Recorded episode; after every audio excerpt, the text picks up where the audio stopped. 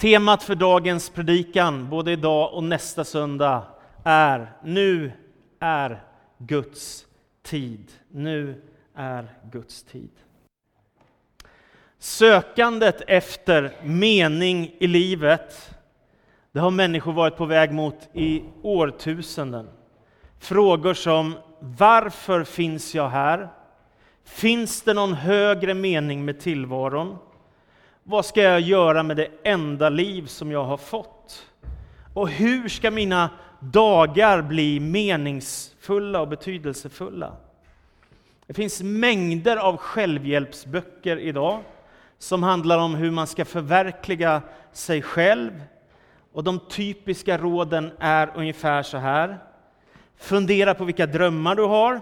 Tänk efter vad du är bra på. Slå fast vad du har för värderingar. Sätt upp konkreta mål för det du vill lyckas med och hur du ska komma dit. Sikta högt, kämpa hårt, tro att du kan nå dina mål, var disciplinerad och ge inte upp. Ungefär så. Nu behöver ni inte köpa några life coaching eller självhjälpsböcker. Jag har sagt allt vad de handlar om, ungefär så. Ja. Men det är naturligtvis goda råd om man vill göra viktiga saker med sitt liv. Självklart är det så. Det kan vara goda råd för arbete, för familj och så vidare, för många viktiga saker. Men det betyder inte att vara framgångsrik, att det är detsamma som att nå det som ditt hjärta längtar efter. Livets mening är inte alls säkert att det är det som du tänker på när du tänker på framgång. Kanske är det någonting helt annat.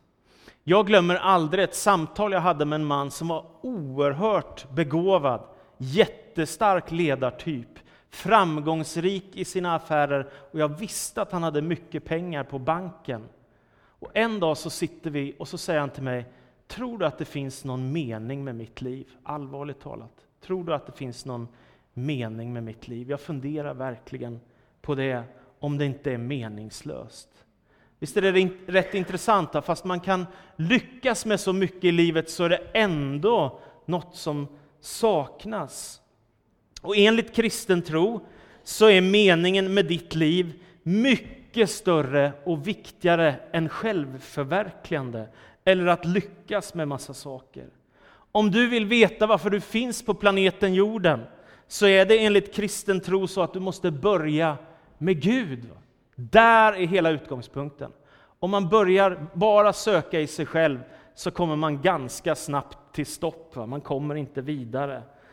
Men om man börjar söka efter Gud så finns det en helt annan utgångspunkt för hela ditt liv. Och jag tänker att livet blir inte begripligt förrän man hittar fram till Gud. För hur i hela världen ska man kunna förstå sin egen existens utan att koppla med Gud? Då finns det ju ingen begriplig mening. Då kan man bara skapa möjligtvis lite mening, men man kan inte förstå något högre syfte, någon viktigare mening eller någonting att leva och dö för som har med någon större verklighet att göra. Det är först när man kopplar samman med Gud som man upptäcker tillvaron på ett nytt sätt. Att du är skapad av Gud och till Gud för att leva tillsammans med honom. Och han har en plan för den här världen. Det ger dig en högre mening med ditt vardagsliv.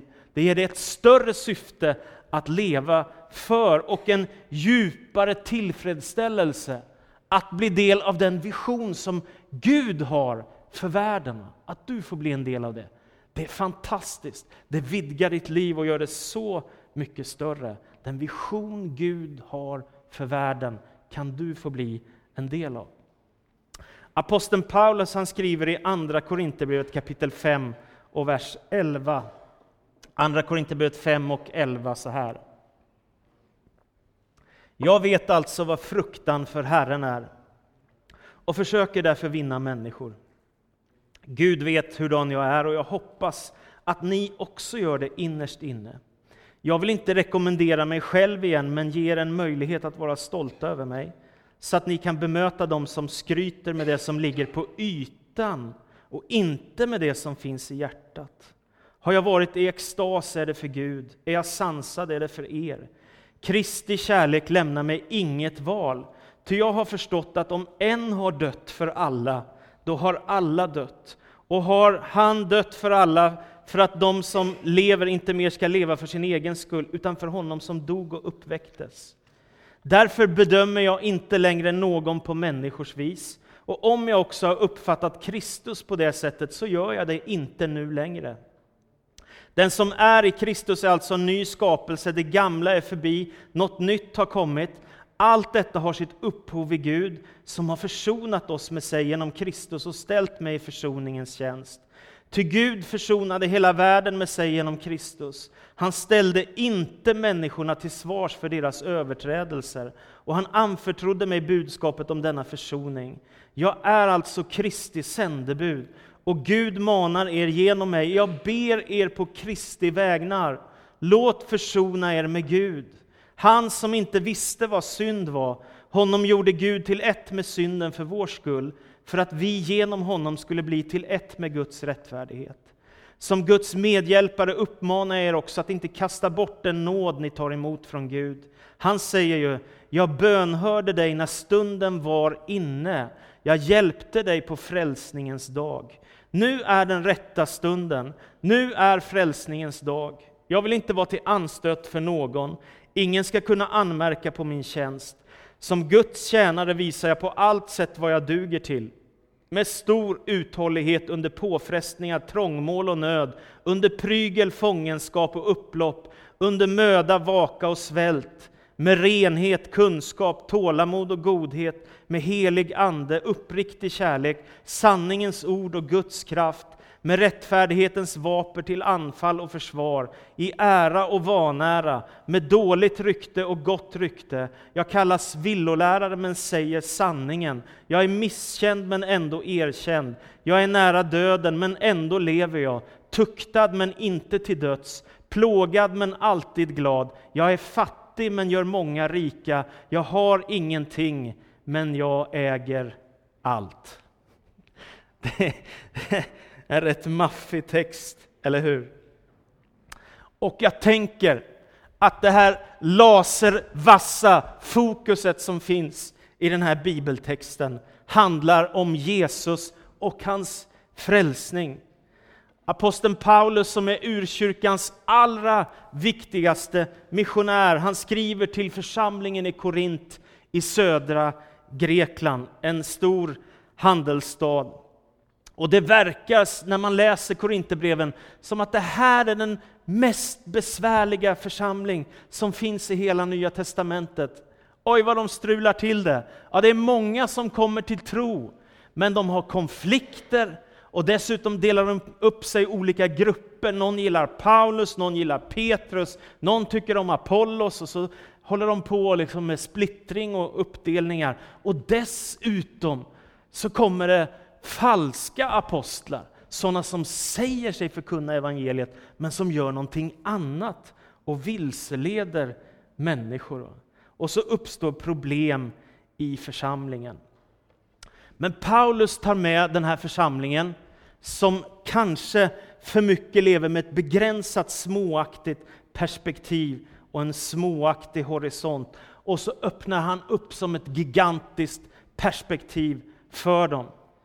För frälsningen och beskrivningen som han ger här i Andra Korinthierbrevet, det är ju mitt i, i brevet av, 12, eh, av ett antal kapitel här. Alltså, han skildrar ett antal saker innan han kommer till femte kapitlet. Och han berättar om hur han har kämpat, hur han har lidit för Kristus. Han berättar om hoppet som finns och det nya förbundets välsignelse, frälsningen i Jesus. Och när han når fram till det så är det ungefär som att han tar sig upp på toppen och så säger han, Gud var i Kristus och han försonade hela världen med sig själv. Är ni med? Sluta upp och lev i de här små horisonterna och perspektiven. Med, och jag håller mig till Paulus, jag håller mig till Petrus, jag håller mig till Kefas. Upp på berget. Va? Här finns en vision, frälsning till hela världen. För alla människor. Kristus har dött en gång för alla för att frälsa världen, för att han älskar människor i hela världen. Det är detta som Paulus tar med församlingen i Korint på. Och så säger han att jag har blivit del av detta. Gud kallar på er. Gud drar i era hjärtan. Jag är Kristi sändebud och jag ber er, låt försona er med Gud. Det är den här drömmen som man kan få bli del av. Den stora visionen som Gud har för hela världen, som man kan få bli del av. Jag kommer aldrig glömma när jag första gången såg Martin Luther King. Han var baptistpastor i USA och han vågade göra uppror mot rasismen som pågick i USA på den tiden. Och han sa i en av sina predikningar som han höll, I have been to the mountain, I have seen the glory of God. Alltså jag har varit uppe på berget, jag har sett någonting annat. Att det är inte skillnad på människor, svarta och vita och hur vi än ser ut. Alla har samma värde för Gud, inför Gud. Jag har varit på berget, jag har sett en annan vision. Och denna vision gäller hela världen. För det fick han ta ett skott och dö av en ond människa. Men hans ideal segrade ändå. Och så blev det ett mer jämlikt samhälle och svarta och vita kunde leva tillsammans. Jag har varit på berget, jag har sett en annan vision. Fantastiskt. Så jag vill bara skicka med, se upp med småaktigheten. Det här lilla perspektivet, de små frågorna som blir så stora i förhållande till det stora perspektivet som Gud har gett oss. Jag läste om en pastor som stod vid dörren och välkomnade medlemmar som kom in och folk som skulle fira gudstjänst. Och sen så kom det en god ström och han är en sån här trevlig pastor ni vet som står och välkomnar människor. Och så helt plötsligt ser han att en kommer åt andra hållet, inifrån och ut. vad, är, vad är det här? Så han säger, du inte ska du väl gå redan nu innan gudstjänsten har börjat? Det är ju nu du ska komma in, för det är ju nu det börjar. Va? Kom igen! Och då tittar den här mannen upp på honom och så ser han mycket ilsken och irriterad ut. Och så säger han, någon sitter på min plats. I en stor kyrka med många sittplatser så är det just där han brukar sitta som blir så irriterande att han klarar inte det utan måste gå hem istället för att vara med och fira gudstjänst. Visst är det fascinerande? Jag tycker det säger så mycket om oss människor, hur lätt det är att fastna i de små sakerna, de små vardagsdetaljerna, och så sabbas det som Gud har tänkt för ditt liv, istället för att du får göra det som han har tänkt. Och ibland tänker jag också, både på mitt eget liv och på andras, hur kan man år efter år höra evangeliet om Jesus och ändå inte förstå? Det är konstigt, va? är det inte det?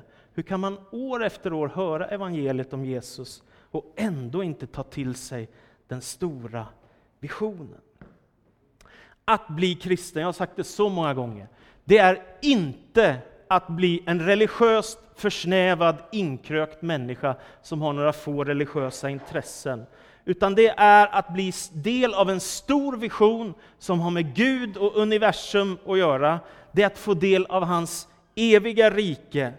Och det fantastiska med frälsningen, det är att den, dess räckvidd når hela världen.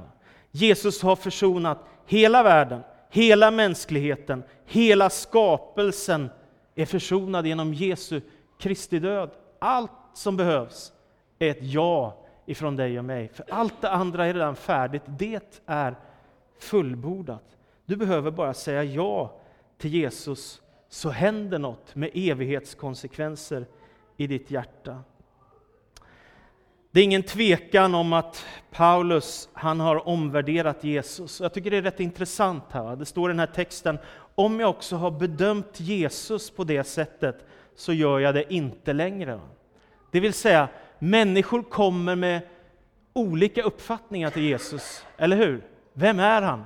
Profet, Guds son, frälsaren, en vishetslärare, en oerhört klok människa, någon som har satt starkare avtryck än alla andra. Men vem är han egentligen? De där frågorna måste man ju ställa sig på allvar. Och det som händer i Paulus liv, det är ju att han möter Jesus på vägen till Damaskus och han ser Jesu gudomliga härlighet och han förstår för första gången i sitt liv Jesus, du är ju på riktigt uppstånden ifrån de döda. Och det får enorma konsekvenser i hans liv. Och han omvänder sig och direkt efter att han har blivit kristen så blir han döpt i vatten och så kommer Ananiasen av ledarna i församlingen i Damaskus och ber för honom att han ska få den helige Ande som gåva. Och sen börjar Paulus direkt och vittna om Jesus på plats efter plats efter plats. I synagoger, i tempel, på torg och i alla möjliga sammanhang så säger han att Jesus Kristus är Messias, världens frälsare. Så det som Bibeln säger, det är ett enormt framtidsscenario. Det är detta att Gud håller hela världen i sin hand. Och det avgörande slaget har redan varit när Jesus har segrat på Golgata kors. Det öppnar dörren för frälsning för andra, alla människor som vill. Men sen har Gud också ytterst sett historien i sin hand, som han leder mot ett mål. Han har en frälsningsplan som han ska fullborda. Och det som är tanken det är att ondskan ska besegras och kärleken ska segra. Och vi ska få en ny himmel och en ny jord där Guds rättfärdighet regerar och där hans kärlek har segrat. Och det djävulska och ondskan skall förintas. Det ska bort. Och Guds rike ska helt och fullt segra. Vi är på väg mot det, säger Nya testamentets författare. I somras så satt jag på Torpkonferensen som ligger utanför Örebro. Och Torpkonferensen är Evangeliska Frikyrkan, Korskyrkan här i Karlstad, deras samfund. De har en fantastisk konferens varje år, precis som Sofie nämnde om Nyhemsveckan. Jag var där på midsommarhelgen, jag hade varit på Nyhem tidigare, men i midsommar så var jag hemma i Karlstad, så då åkte jag dit. Och så lyssnade jag på John Van Dinter, och han är pastor och föreståndare i en församling som heter New Life i Stockholm. En jättefin församling som växer och har enormt många olika folkgrupper och folkslag i församlingen. De är, tror jag, 800-900 medlemmar eller sådär. En dag, berättar John, så kommer en man fram till honom, för John är en ganska dynamisk och kraftfull ledare och duktig entreprenör och så. Så en dag kommer en man fram till honom och så säger han så här, berättar John i predikan. Tänk vad du kunde ha blivit om du inte blev pastor. Visst är det underbart? Tänk vad du har... Tänk! Oh, om du inte hade blivit pastor, du hade kunnat bli så mycket, så mycket annat, gjort så mycket annat. Och John Van Dinter, han är lite så här radikal lärjung, efterföljare till Jesus och fortfarande radikal trots att han måste vara 55 år eller något sånt där. Så han svarade, han svarade, det skulle vara ett bortkastat liv för mig, sa han. Det skulle vara ett bortkastat liv.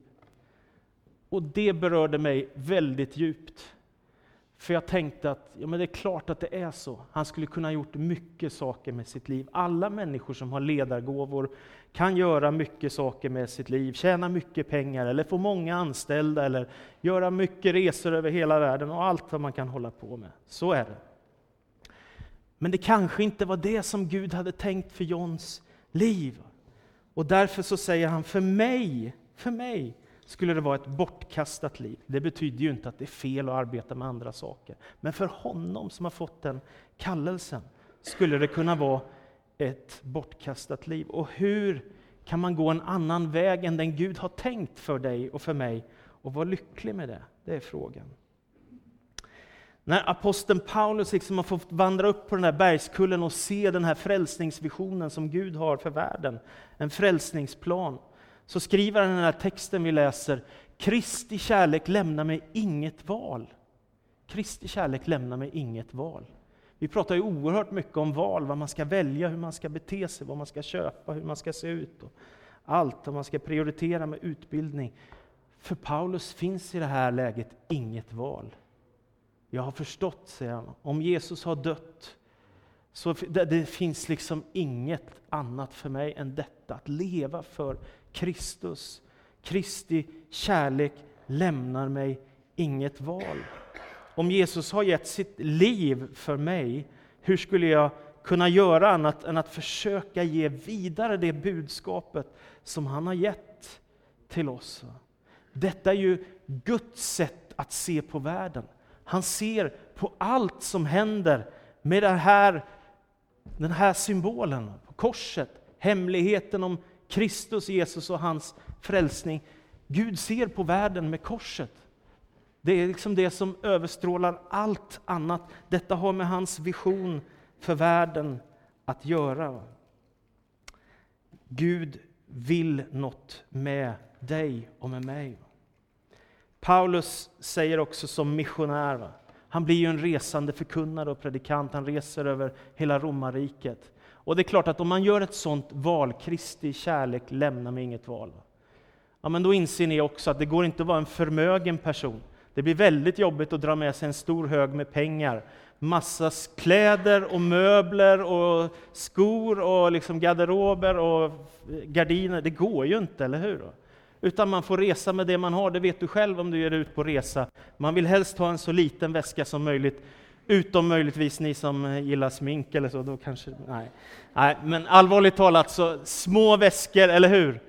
Och så vill man dra det så smidigt som möjligt fram för att inte få bekymmer. Och då säger Paulus i Andra Korinthierbrevet 6 och 10. Jag är fattig men gör många rika. Jag har ingenting men äger allt. Så tänker han om sitt liv med Jesus.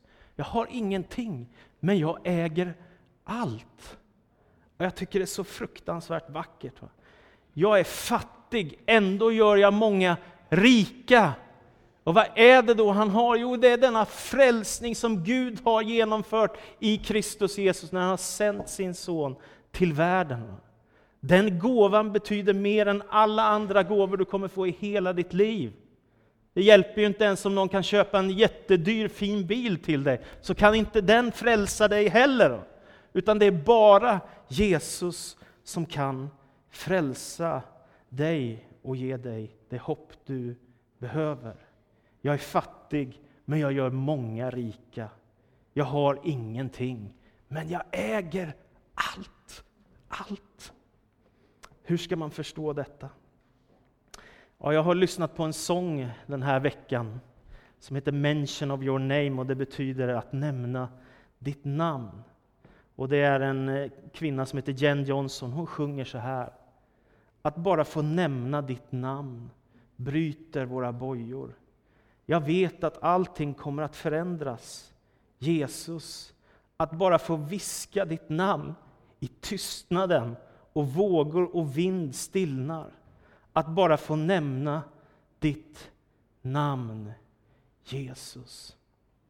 Jag kan vara fattig, säger Paulus, eller jag är fattig, och ändå äger jag allt i Jesus. Han som har försonat hela världen med sig genom att ställa sig där till Guds förfogande för vår frälsnings skull. Jag kan vara fattig, ändå äger jag allt i honom då säger Paulus att det som händer när du blir försonad med Gud är att du blir en ny skapelse i Kristus Jesus. Jag tycker det är underbart, för det, det ordet har ju med själva ursprunget att göra.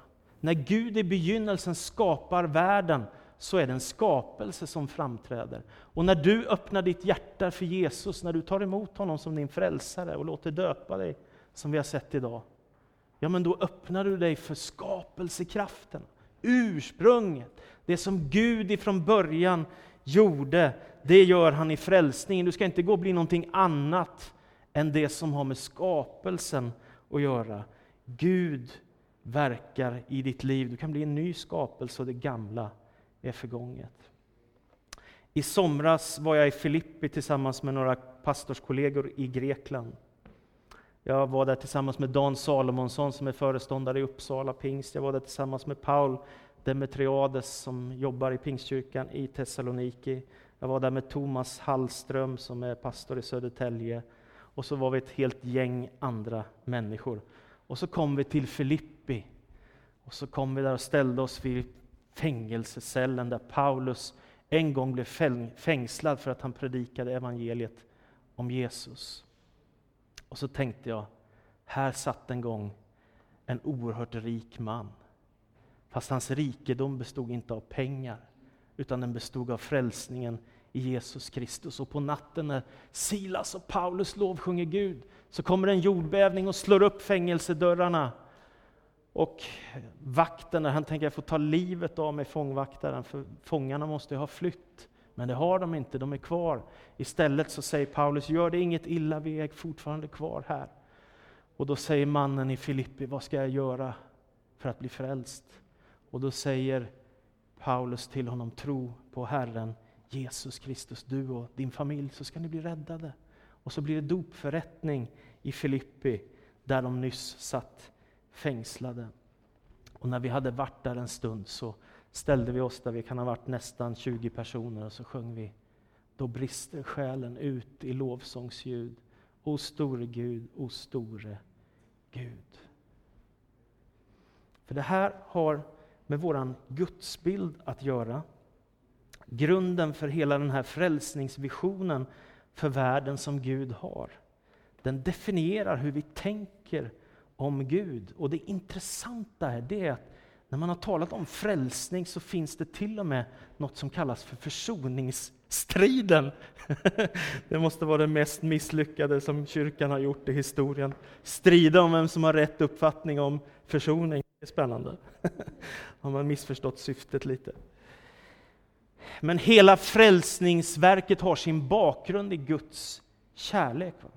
Ibland tänker jag att vi säger så kraftfullt att Gud hatar synden och ondskan att människor blir rädda för Gud. Är ni med? Men bakgrunden för hela frälsningshistorien är att Gud älskar oss människor. Lyssna vad han skriver. Allt detta har sitt upphov i Gud som har försonat oss med sig genom Kristus och ställt mig i försoningens tjänst. Ty Gud försonade hela världen med sig genom Kristus. Han ställde inte människorna till svars för deras överträdelser och han anförtrodde mig budskapet om denna försoning. Jag är alltså Kristi sändebud och Gud manar er genom mig. Jag ber er på Kristi vägnar. Låt försona er med Gud. Och ibland tänker jag att vi som predikanter fokuserar så mycket på syndens problem när vi talar om frälsningen, att människor blir rädda för Guds vrede. Men här tänker jag att det är en annan bakgrund som framtonar och det är denna ofattbara kärlek, hur mycket Gud älskar oss. Det är från honom hela frälsningen och försoningen utgår. Det är i hans namn vi kan få frälsning. Jag tänker mig att när Jesus dör på Golgata så tror jag att Fadern gråter. Jag tror inte att han sitter ilsken i himlen och försöker straffa Jesus. Jag tror inte det är det som är syftet. Jag tänker mig att Gud gråter i sin himmel när han ser sin son korsfästas. Jesus fick ta vårt straff, absolut, och Gud hatar synden och ondskan, absolut. Men han älskar människor. Och allt av frälsning och försoning har sitt ursprung i Gud. Det är inte så att Jesus måste liksom komma till och försöka stoppa Guds vrede, utan Gud älskar mänskligheten och därför så sänder han Jesus för att dö för oss. Och då säger Paulus, Kristi kärlek lämnar mig inget val och därför försöker jag vinna människor för Jesus Kristus. Han har varit uppe på berget. Han har sett den frälsningsvisionen, frälsningsplan. Det har drabbat hans hjärta. Han är såld på Jesus och han vill få predika evangeliet. 1999 så reste jag till Tanzania i Afrika. Och det var en fantastisk familj som hette Klingbergs, Åke och Barbro Klingberg, som hade blivit utsända från bland annat Pingstkyrkan i Jönköping och var där i 25 års tid och arbetade som missionärer på små, på små platser som Handeni och Korogwe och andra ställen ett antal mil utanför Dar es Salaam. Med de tjänsterna så blev de nog knappast rika ekonomiskt. Och inte var det så särskilt storslaget att komma till små byar i Afrika för att predika evangeliet och möta människor med Guds kärlek. Men när jag och vår barn och familjepastor kom dit och vi skulle predika på en barn och ungdomskonferens och jag inser att det är 800 barn och ungdomar som kommer inströmmande som en konsekvens av att de har varit där för att vittna om Jesus och hans evangelium. Ja, då tänker jag att det är en större rikedom än att vara miljonär. Att få vittna om Jesus för människor och berätta om vad han har gjort för oss och hur han älskar oss. Det är det största som finns. Nu är Åke Klingberg hemma hos Jesus i himlen och jag undrar hur många tusen människor som kommer vara där för att han gav 25 år av sitt liv för att vittna om Jesus i små enkla byar i Tanzania. Fascinerande, oerhört fascinerande. Jag är så berörd av människor som vågar ge sitt liv. Till slut, när Paulus har varit uppe på berget, bildligt talat, sett visionen, så förstår han sitt livsuppdrag på ett nytt sätt. Och jag tänker, vi tänker i den moderna kristenheten i västvärlden så tänker vi ofta så här, ja, ja, jag väljer om jag går till kyrkan eller inte, jag väljer om jag går och läser Bibeln eller inte, jag väljer om jag ska be eller inte, jag väljer om, och så är liksom, det är alltid detta. Paulus har inte det. Han säger Kristi kärlek lämnar mig inget val. Han är liksom marinerad in i tron. Han är helt såld på Jesus. Han vill ge sitt liv för detta. Och därför så säger han, jag är Kristi sändebud. Låt försona er med Gud. Och sen säger han i Andra Korinthierbrevet 6 och 2, nu är den rätta stunden. Nu är frälsningens dag. Och det är min bön för det här kommande läsåret nu. När vi renoverar kyrkan så är inte mitt syfte har aldrig varit bara att kyrkan ska bli finare. Utan mitt syfte det har varit att vi förbereder oss för att bli en större församling, att fler människor ska få höra evangeliet, att fler människor ska få se vem Jesus är. Att de förstår att vi tycker det här är viktigt som vi håller på med. Så vi satsar både tid och kraft och pengar och böner och, och samtal och allt vad som behövs för att människor ska förstå evangeliet om Jesus. Nu är den rätta stunden. Nu är frälsningens dag. Nu är Guds tid. Nu är tiden inne. Och jag tänker så här, tänk om vi kan få fortsätta också se fler människor lära känna Jesus. Sen förra sommaren så har vi nu döpt 38 människor och nästa söndag så ska vi döpa två eller tre till. Och du kanske finns här som behöver fatta det beslutet också. Det är fantastiskt. Jag önskar ännu fler som skulle få lära känna Jesus Kristus. Jag har sett någonting, jag har hört någonting, jag har förstått någonting. Och jag vill åtminstone att det ska påverka mitt liv i ganska hög grad. Så jag ber Gud, låt mig få ha samma känsla som Paulus. Din kärlek tvingar mig jag har inget val. Låt försona dig med Gud och bli hans sändebud. Amen. Jesus, så tackar jag dig för din godhet och nåd, för din storhet och din kärlek. Tack för att du älskar människor, Herre. Det är mitt enda hopp. Tack Jesus för att du har gett ditt liv på Golgata kors för att ge människor nåd, för att ge mig nåd. Jag behöver din frälsning, jag behöver ditt liv, jag behöver din barmhärtighet och jag tror att vi alla gör det. Ja, faktiskt varenda en i Karlstad, hur orimligt det än låter i ett sekulariserat land, så tänker jag så, att alla behöver dig Jesus.